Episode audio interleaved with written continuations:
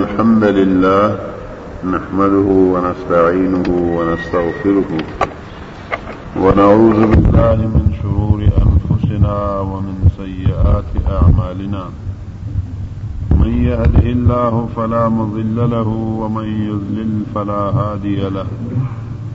وأشهد أن لا إله إلا الله وحده لا شريك له وأشهد أن محمدا عبده ورسوله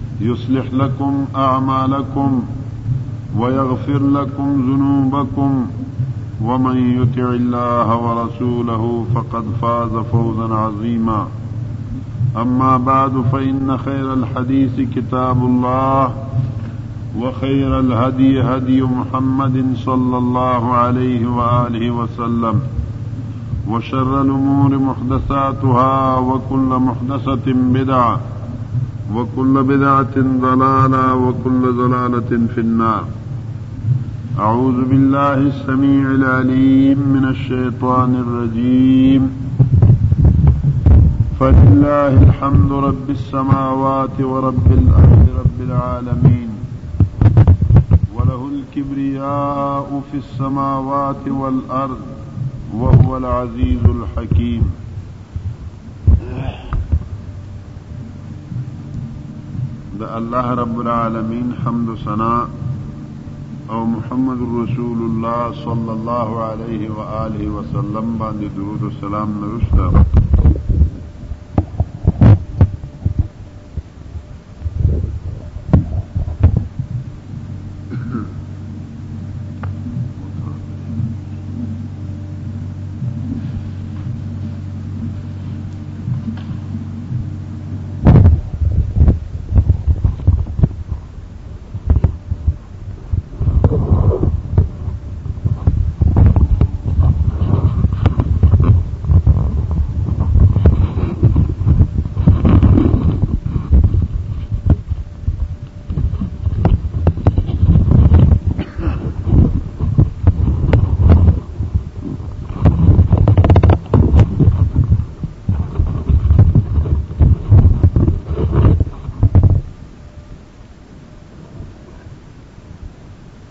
الله رب العالمین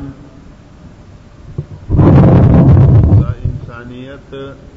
په دې عالم کې په دې دنیا کې پیدا کړی دی او مهمل بیکارا غیر مکلف نه دی پرېخه د دې پیدایش سره سره په دې انسانیت باندې الله رب العالمین تکلیف اچولې ده هغه تکلیف د الله رب العالمین بندگی په هغه طریقې سره چې کوم الله تعالی د دې بندگانو د هدایت او د دوی د رهنمایۍ دپاره انبیاء کرام را لېږلي دي یعنی انسان مکلف دی په هغه طریقه سره ژوند تیرولو او د الله تعالی عبادت کولو باندې کم طریقه چې هغه انبیاء خودلې دي چې کم د الله رب العالمین بندګي ښودلو د پاره الله تعالی خپل بندگانو ته را لېږلي وو.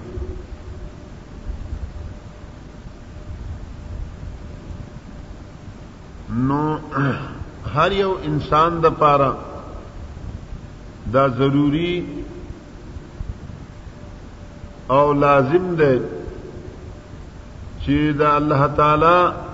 بندگی په هغه طریقې سره وکړي ژوند په هغه طریقې سره تیر کی چې کوم محمد رسول الله صلی الله علیه و آله وسلم ورته خودلې ده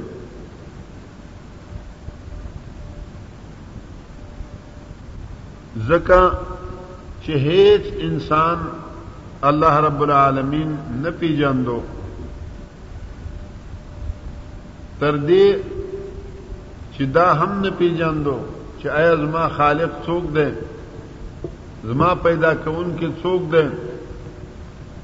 نو محمد رسول الله صلی الله علیه و آله وسلم مونږ ته دا وخدو چې زمون خالق الله رب العالمین دی دنیا ته راغلی یو دنیا نه به یو ورځ ځو دا دنیا به همیش نه وي نو کوم په دې دنیا کې داسې ژوند تیر کو داسې وخت تیر کو چې کم ژوند تیرولو طریقه محمد رسول الله صلی الله علیه و آله وسلم مونږ ته خودلې نو خو دنیا هم کامیاب ده او آخرت هم کامیاب ده او که مونږ ژوند په داسې طریقې سره تیر کو چې هغه د رسول الله صلی الله علیه و آله وسلم د هدایت نه خلاف وي دنیا کې هم انسان رسوا ذلیل او خوار وي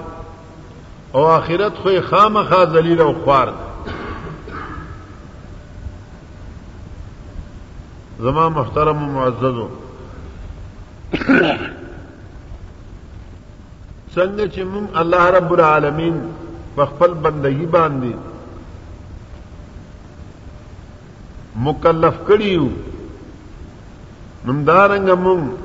د محمد رسول الله صلی الله علیه و آله وسلم په اطاعت باندې مکلف کړیو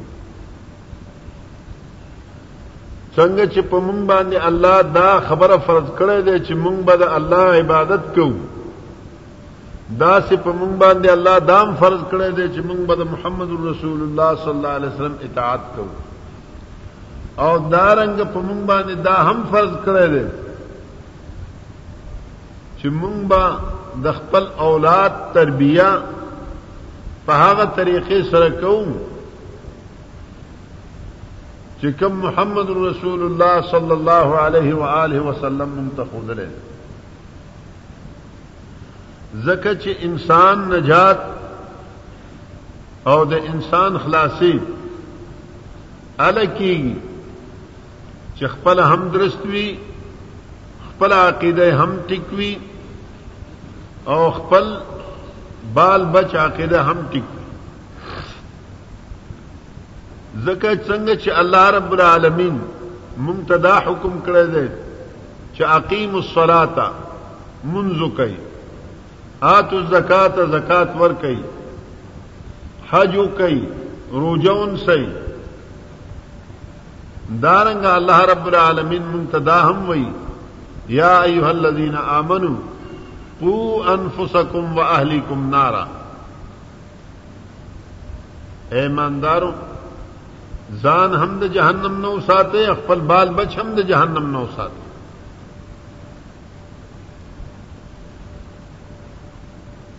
مونږ کې اکثر دا سوي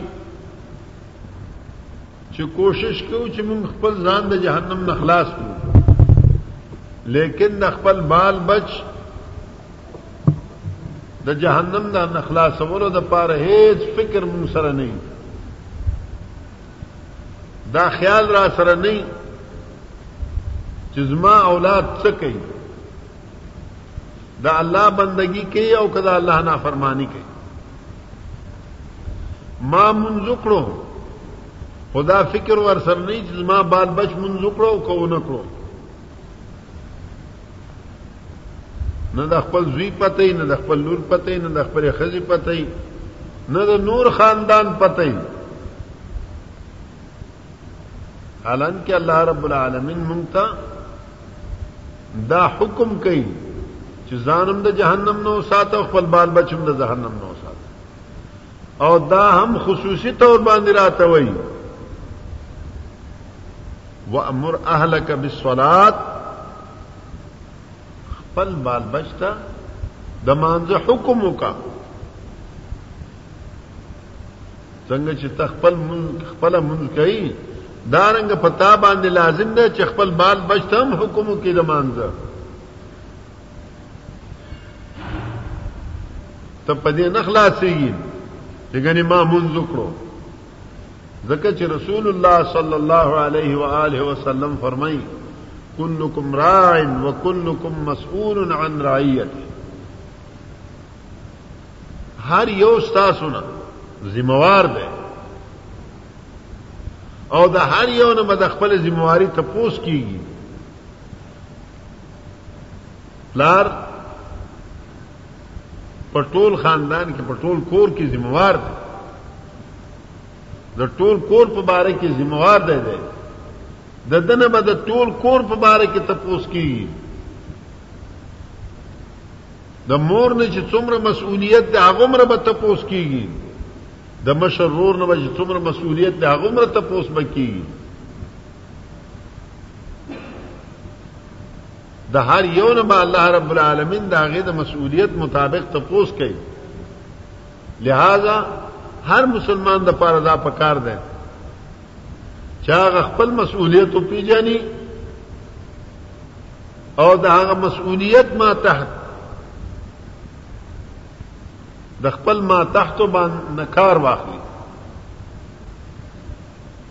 رسول الله صلی الله علیه و آله وسلم فرمای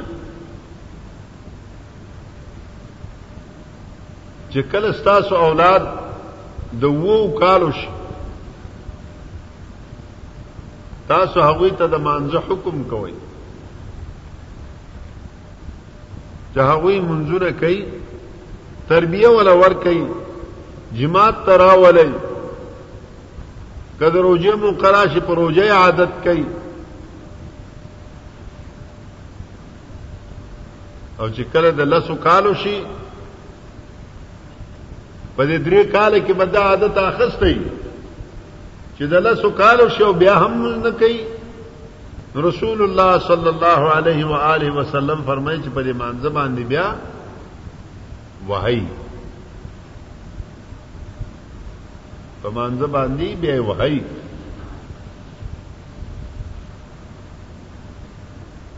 زمون خاص کر د پښتنو پښتنو څه یعنی نن سبا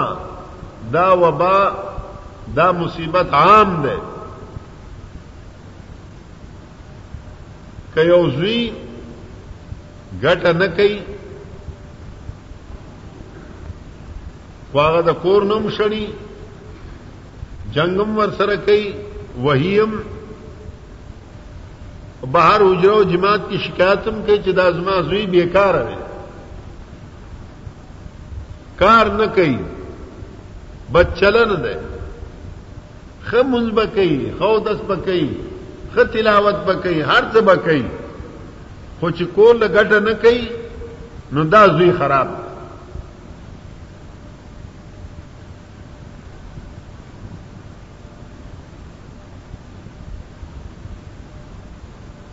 او که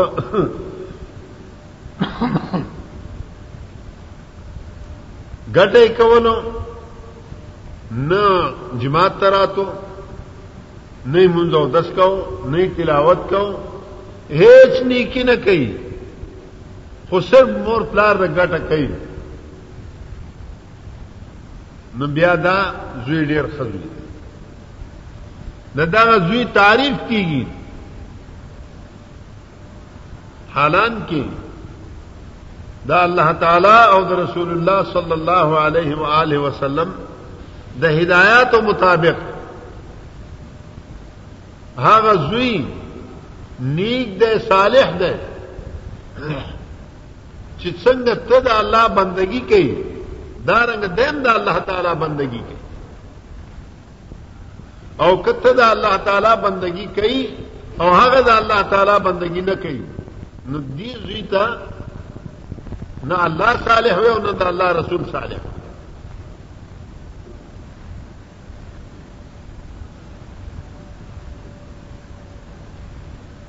که د نوکری وخت شي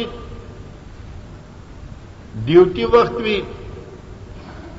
چې لکه سبعي څلور بجې به زه ډیوټي ته حاضرېدل پکار دی زما لپاره کور کې مور ته ووایي پلار ته ووایي چې ما به ټیک درې بجې پاتې چې زه خپل ډیوټي ته ورسېږم نو هغه به روزانه ټیک درې بجې پاتې دا تپوس به نه کوي چې درې بجې خو مې پاتې ولې د څلور بجې کې سبعین مونږ دې مو کړو کوونه کئی به او کنه به کئی یا کړی دې او کنه دې کړی خو چې کوم ورځ چټي وي نو بیا په هغه ورځ باندې درې بجې په ځای څلور بجې شي بیا هم نه پاتې څلور نیمې شي بیا هم نه پاتې پنځه بجې شي سبا بیا هم نه پاتې به پرې ده نه نه چټي ده نو الکه د کار نه چټي ده د الله تعالی د بندګۍ نه خو چټي نه ده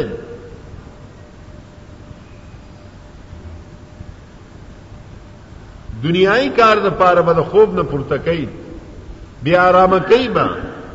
خو د دین کار د پاره د الله حقوق د پاره بیا پاتولم نشته بیا آرام کولم نشته بلکې لا ټپې چې پرې د چود شي صادر به ور باندې اچي که ګرمي پکه به ورته چالو کوي چې داسې نه چې بیا آرام نشي رونو اسلام چرته لا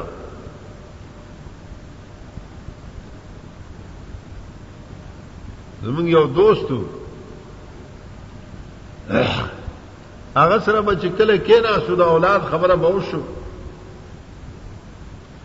هغه به تعریف کو چې الله تعالی ما د ډېر خزامن را کړی دي دا الله ډېر شکر گزار يم چې ډېر خزامن را کړی دي تعریف باندې با نه مړې د خپل ځامنو او چې ورته وویلو چې رب فلانه صاحب ستا خو ډېر خزامن دي لیکن یو ورځ ما په جماعت کې ونه لیدو او دا یو کمزوري ده مونږ نه کوي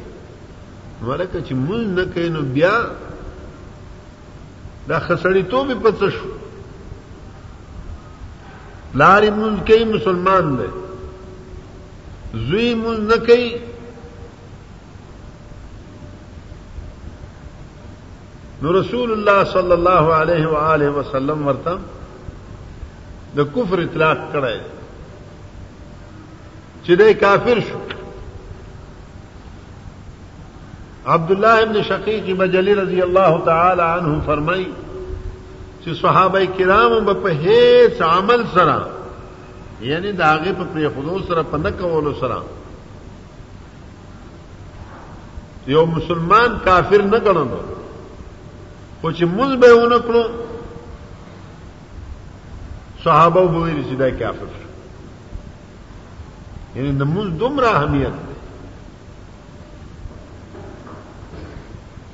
د خځې سره به د کټوي په مالګه باندې به جګړې په وبو باندې به جګړې په کپړو باندې به جګړې خو په مونږ باندې هیڅ نه ته مونږ کړی او کنه یې کړی د مونږ ته پوس نشته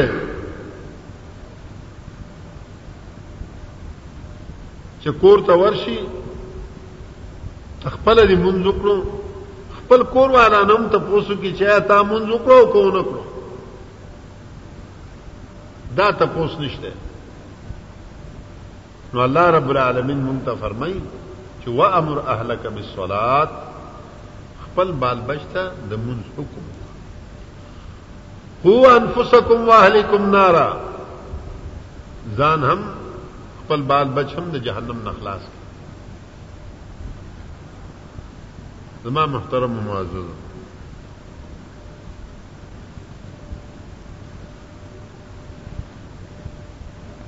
صحابه کرام تابعین زمون اسلافو خپلو بچو سره د مانځه محاسبه به یې کوو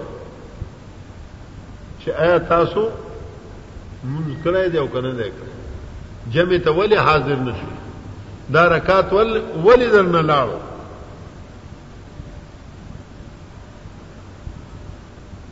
زمون په دې سپینه وړۍ کې یو جماعت دی د عبدالعظیم بابا جماعت هغوی نور هر څنګه چی دا یو صفت ورکی بهترین صفت ده چې مانځ کې به ټول ګوري چې چان رکال لا شي ولکه تان څنګه رکال لاړو بل خصوص چې سبعی رکعات پر نه لاړ شي که جمع یې خو بیا توبه د عبدالعظیم استاد د لاسه د هغوی بېعزتي دی وایي دومره وکړو چې شپې تهجد له نه یې پاڅېدلی او سبا یې رکات هم درنه لاړو د مانځه محاسبه به یې او زمونږ کې هېڅ نشته کولاد مونږ کړي او کني کړي پاتې دلی او کني پاتې دلی دا فکر مونږ سره نشته نه پلار سره دا فکر شته او نه مور سره دا فکر شته ده حالان کې دا غورز د عادتولو ده رسول الله صلی الله علیه وسلم چې فرمای مرو اولادکم مرو سبیانا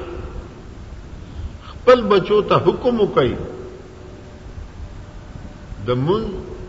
په دې حالت کې چې دوی ابنا او سبعین چې د وو کال وي د وو کال چې حکم ورته چې د لاسو کال شي بیا پی وهي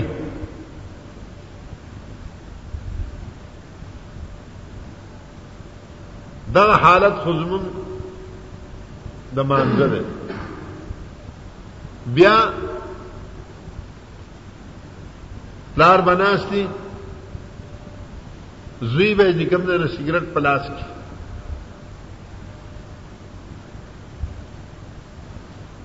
نو پلار به هیڅ نه وایي چې لکه زویا دا ولی اکثر طور باندې پلار یې خپله نسواري پلار یې خپله سګرټي پلار یې خپله ګیرخریلی که زوی څه کوي نو پلار هېڅ ورته نه شي ویلی حتی چې بعض ځایونو کې مونږ داسې هم لیدلي دي چا زوی ته ته وای چې لکه منګزاري اهل حدیثي خط اخواداري دا ګیره دي او یاره چې پلان مې پرې دی نو زه به پرې کړم اگر چې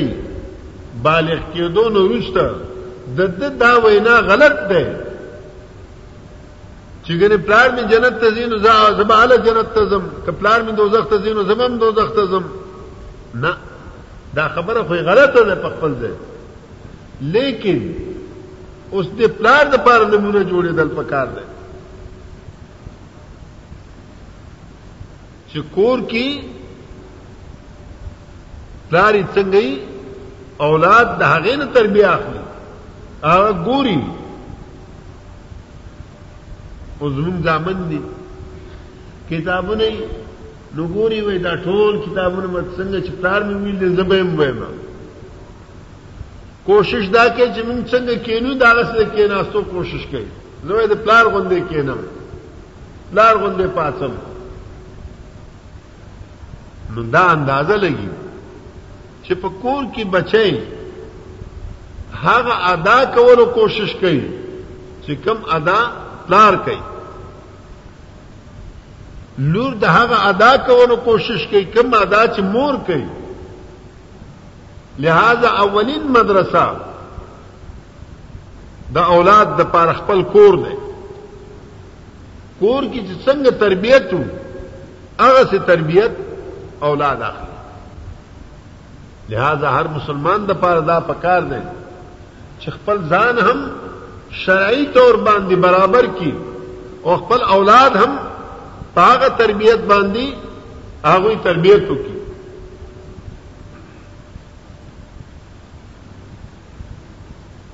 کله دا تکلیف چې کوم الله رب العالمین په موږ باندې اچولې ده د دینه بریو ذمہ موږ نشو جوړې ده ترڅو چې موږ خپل وس مطابق خپل استطاعت مطابق د خپل اولاد تربیت ورکړو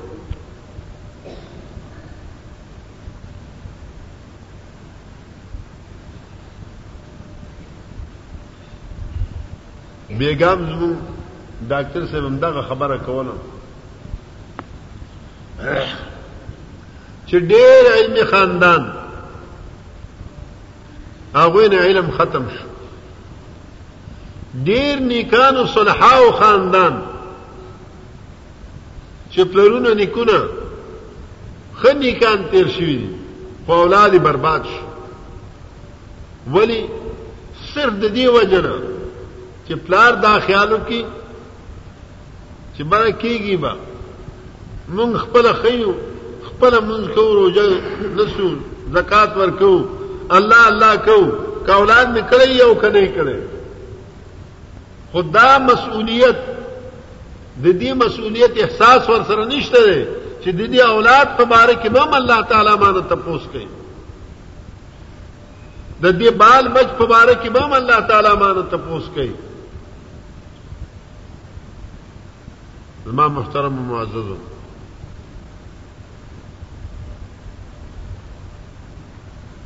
دا مصیبت په هر ځای کې ده یوازې په دې ګندب کې نه په هر ځای کې دا مصیبت ده چې سبای مانده کې ګوري نو پنځه کسان دی درې کسان به هغه بم داسې خلک چې بس قبر ته نږدې سپینګری نو الکه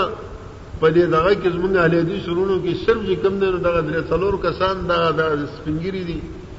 نور په دې علي دي شرونو کې ځوانان نشته الکان ماشومان نشه دا الکان چې اوس وینو دا خو سرالل اخر د جمع په وخت کې چرته وو د مانځ په وخت کې چرته وو حالان کې په دې مدرسې کې بدل ته سبق وایي دوی حفظ بم کوي دعاګانې بم یادي ارته به یاد وي خو اخر د سبې د جمع مانځ کې ولې نه د دې ولې نو جواب دا دی چې موږ تربیه نه دی کړی موږ په کور کې د دې احساس موږ سره نشته دی چې دا ماشوم پاتېږي او جماعت تلاش کنن نه عادت وانه خستو تر مرګ پورې د دې دغه سي عادت ګرځي او کنن نه عادت واخستو ان شاء الله تر مرګ پورې به دا عادت وي زمونږ عبادت زمونږ نیکان خاصم نه عادت ګرځېدلې دي لکه ډیر خلک زمونږ وای الله د ازما عادت په عبادت قبول کی زه خو عادت کوم خو په عبادت قبول کی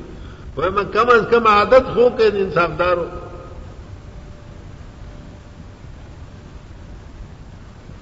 اخر چې موږ د ټوله دنیا نه بیل شوي یو ټول دنیا موږ ته په بد سترګه باندې ګوري آخر په څه باندې ګوري صرف په دې دعوه باندې ګوري چې موږ د الله او د الله تعالی د رسول منو موږ د قران او سنت په قران او سنت باندې روان یو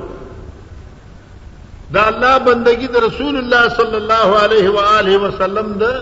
خودنی مطابق کو ټول دنیا ته دشمنان شوی خدام د رسول الله صلی الله علیه وسلم هدایت ده مونږه چې تاسو خپل بال بچ خپل اولاد تربیه وکړئ دین ته مخامخ کړئ چې ستاسو په دې کور کې ستا په ژوند کې ستا د ژوند نه وروسته دا دین او اسلام پاتې شي رسول الله صلی الله علیه و آله وسلم فرمایي چې کله انسان د دنیا نه لاړ شي رحلت وکړي فوت شي د د عمل نامه کې چې څه لیکل کېدل نو هغه ټول منقطع شي ځکه چې د دنیا نه لاړو د د عمل نشته نو الله به څور پسې لیکي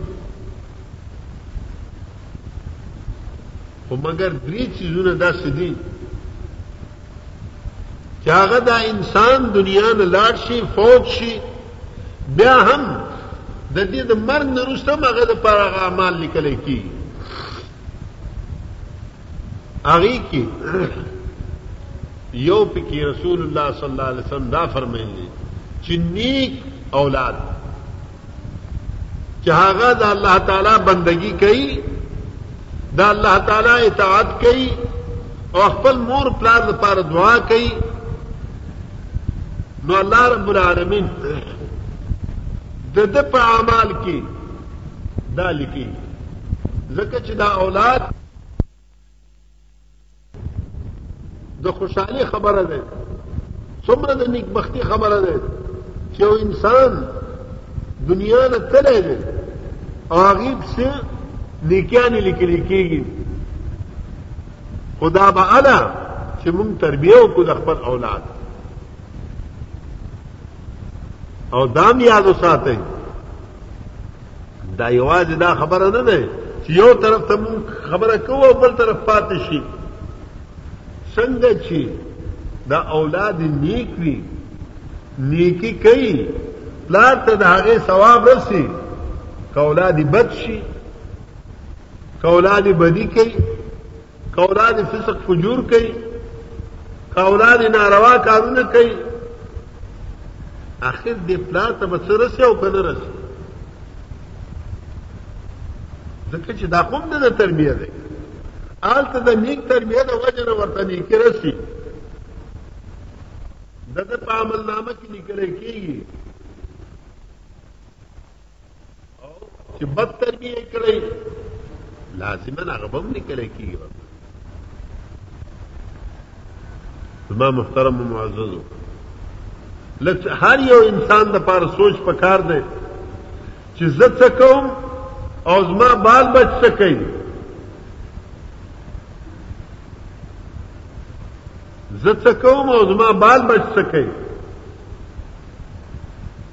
هر یو د پاره دا سوچ پکار دی کله چې موږ دا سوچ وکړو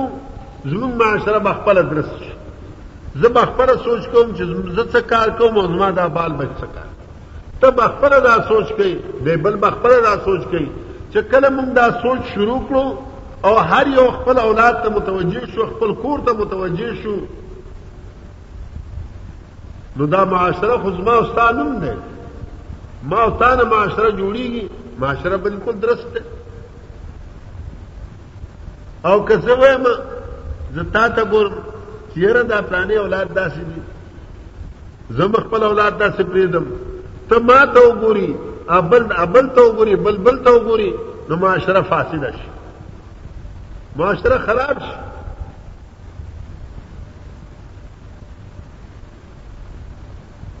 نو د معاشره د درستګي د پاره هر یو انسان د پاره پکار د خپل دیوان کې سرکته کې او سوچو کې چې الله په ما باندې څه فرض کړی دی هغه خپل فرایض دی او پیجنې او خپل مال بچ باندې هغه فرایض لاګو کی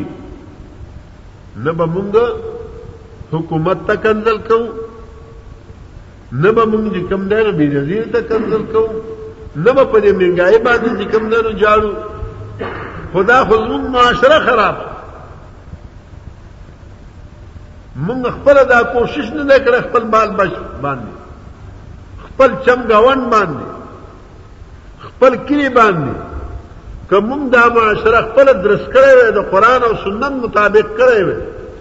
ولې به نن په تاسو باندې او په مونږ باندې دغه عذاب به الله تعالی عذاب په مونږ باندې ذکر اوسته دي چې مونږ د الله تعالی حقوق نه لري پیژندل ان الله لا يغير ما بقوم حتى يغيروا ما بانفسهم کم نعمت چې الله رب العالمین په چا باندې کړی هغه نعمت تر هغه وخت پورې الله رب العالمین دا قوم نه ناخلی نه لري کوي تر څو چې قوم کم فرایض چې الله تعالی او هغه خراب کړی هغه کی تغییر نه راوسته هغه کی کمه نه راوسته چې کله انسان د الله تعالی فرایض پیدي د الله تعالی بندگی پیدي نو الله رب العالمین ور باندې عذاب راوړي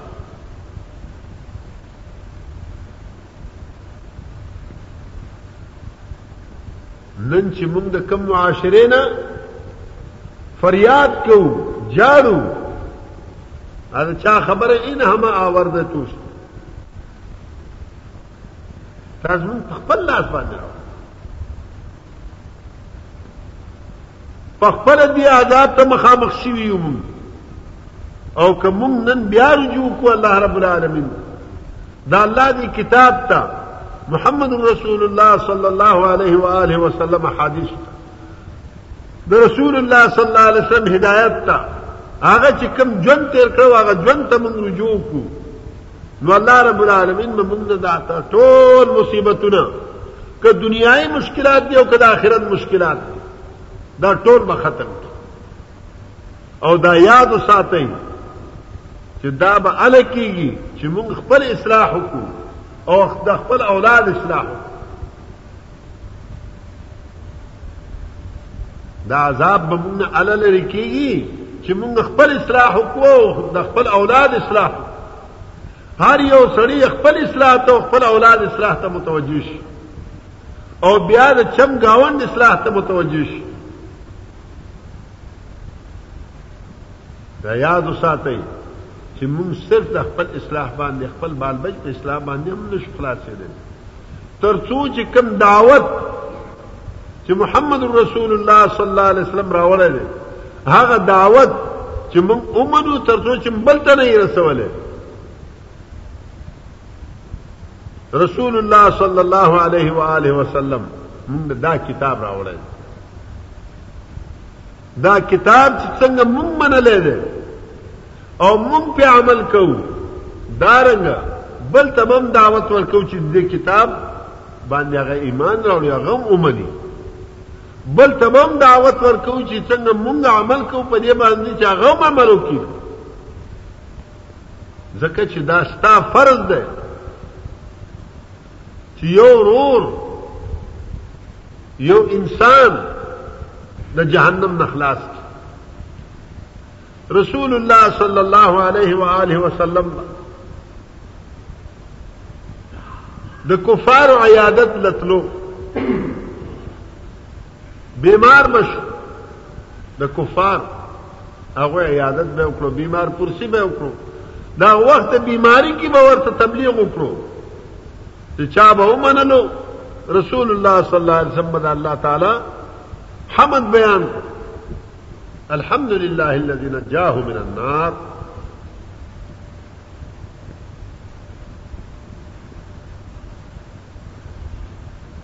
دا هم زمون فرض دی چې مونږ بل ته ورسو دا خبره بل ته وکړو دا خبره که مونږ بل ته ونه رسولو څنګه چې هغه ګناګار دی مونږ هم ګناګار ځکه چې هغه خو هغه کول یا نه کول پاغي ماخوذ ده او ما او تا ته دا حکم شو چې بلغ بلغو بلغ ما انزل الیک من ربک الله تعالی طرف نه چې سره غلې ده داغه تبلیغ او کاغه ورسوه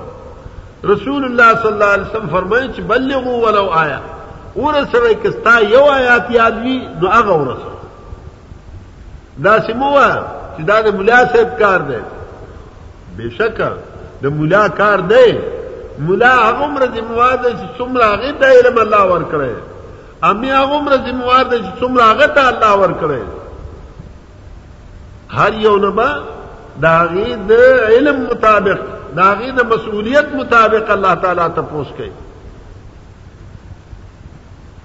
نو لہذا هر مسلمان لپاره پکار دی چې هغه خپل مسؤلیت وپیژني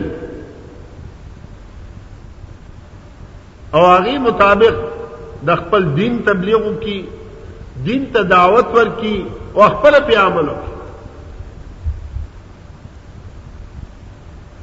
زما محترم معززو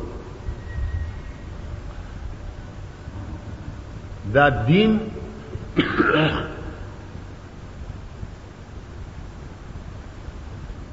صرف د منځ او د اودس نوم نه دی نه د اهل حدیثیت د رفلیدین او د امین نوم دی دین یو جامع شی دی چاغي کې بد الله تعالی هر حکم ته غاړه ګدي او د محمد رسول الله صلی الله علیه و آله وسلم هر ادا هغه بخپلې دا بنوي چې دا وړوکې شی دی ځا کدا غشې وړوکې دی خو کون کې څومره شیخ وړوکې دی خو کړه چا دی محمد رسول الله صلی الله علیه وسلم کړه هغه وړوکې نه دی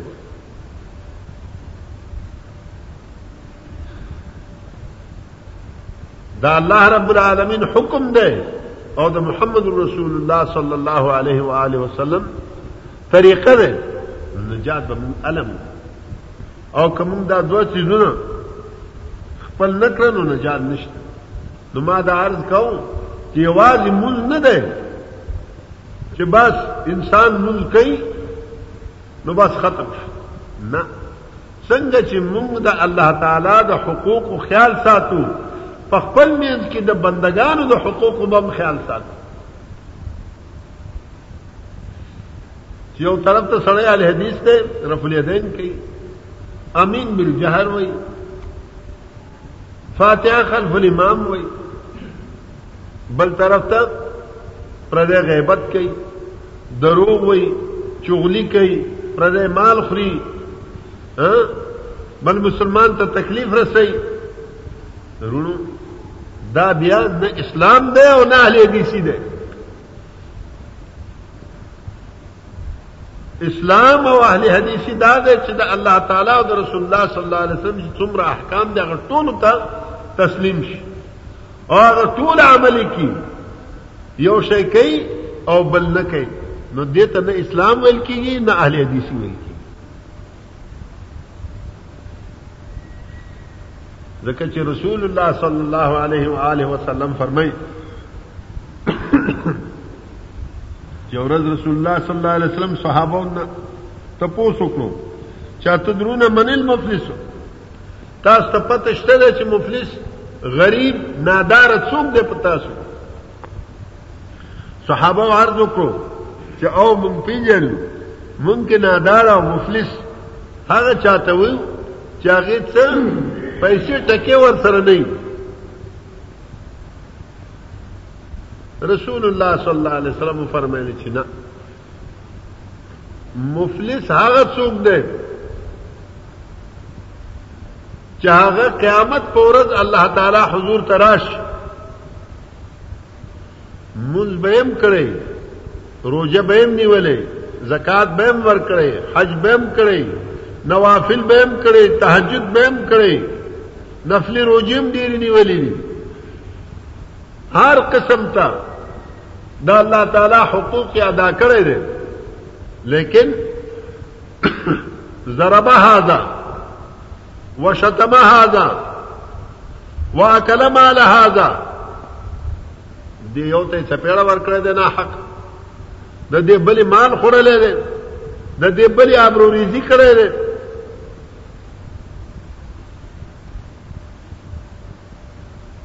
نو رسول الله صلی الله علیه وسلم فرمایل چې حقیقت کې مسکین دا دی ځکه چې د چې کوم مونږ او داس کړی دا خبر واخست شي او مظلومینو ته باور کړی شي چې چا باندې د ظلم کړی دی یا د وهالو یا د کنزل یا د بیزتی یا د مال خوراک رسول الله صلی الله علیه وسلم فرمایي کله د دا اعمال دا غ مظالم مقابل کې پورا شو خو بیا د لپاره څه پاتې شو مسكين شو نادار شو اعمال ټول لا راپات او که د ده اعمال د هغه مظالم مطابق پوره نشو نو بیا وای چې د هغه بل مظلوم ګناه به راواخص شي په دې باندې به واچول شي او بیا به پر مخ راخلی شي جهنم ته به وګورول شي رونو یوازې په اهل حدیث توب باندې کار نه کیږي ګورئ یوازې پر افلیدینو باندې کار نه کیږي ګوره په امین باندې یوازې کار نه کیږي بشکه رفلیدین سنت ده امین په زور ویل سنت ده فاتحه امام سی ویل فرض ده بغیر د دینه موز نه کیږي خدا یاد ساتي څنګه چې دغه سنت دی او فرض دی دارنګه د دا الله تعالی د بندگانو په حقوق کې کوم څه فرایض دي او څه چې کوم دي نو سنن دي دا هغه به هم خیال ساتو کوم صرف یو طرف ته خیال ساتو چې بس صرف مانځه ته جماعت تر اتل دي مون کول دي او رفل دین کول دي امین کول دي او بل طرف ته هیڅ خیال نه ساتو چې د بندگانو سره زموږ څه وضعیت دی د بندگانو سره زموږ څنګه رویه دی د انسانانو سره زموږ چې کوم دی نو څه حالات دی نو الله رب العالمین بیا په دې باندې هم نسی نو الله رب العالمین دې موږ ته توفیق راکړي چې موږ د الله حقوق مو پیژنو او د بندگانو حقوق مو پیژنو الله دې مونږ ته توفیق راکړي چې مونږ خپل هم د الله بندگی وکړو او خپل بال بچم دې کوم د الله تعالی بندگی ته آماده کو اقول قولي هذا واستغفر الله لي ولكم اجمعين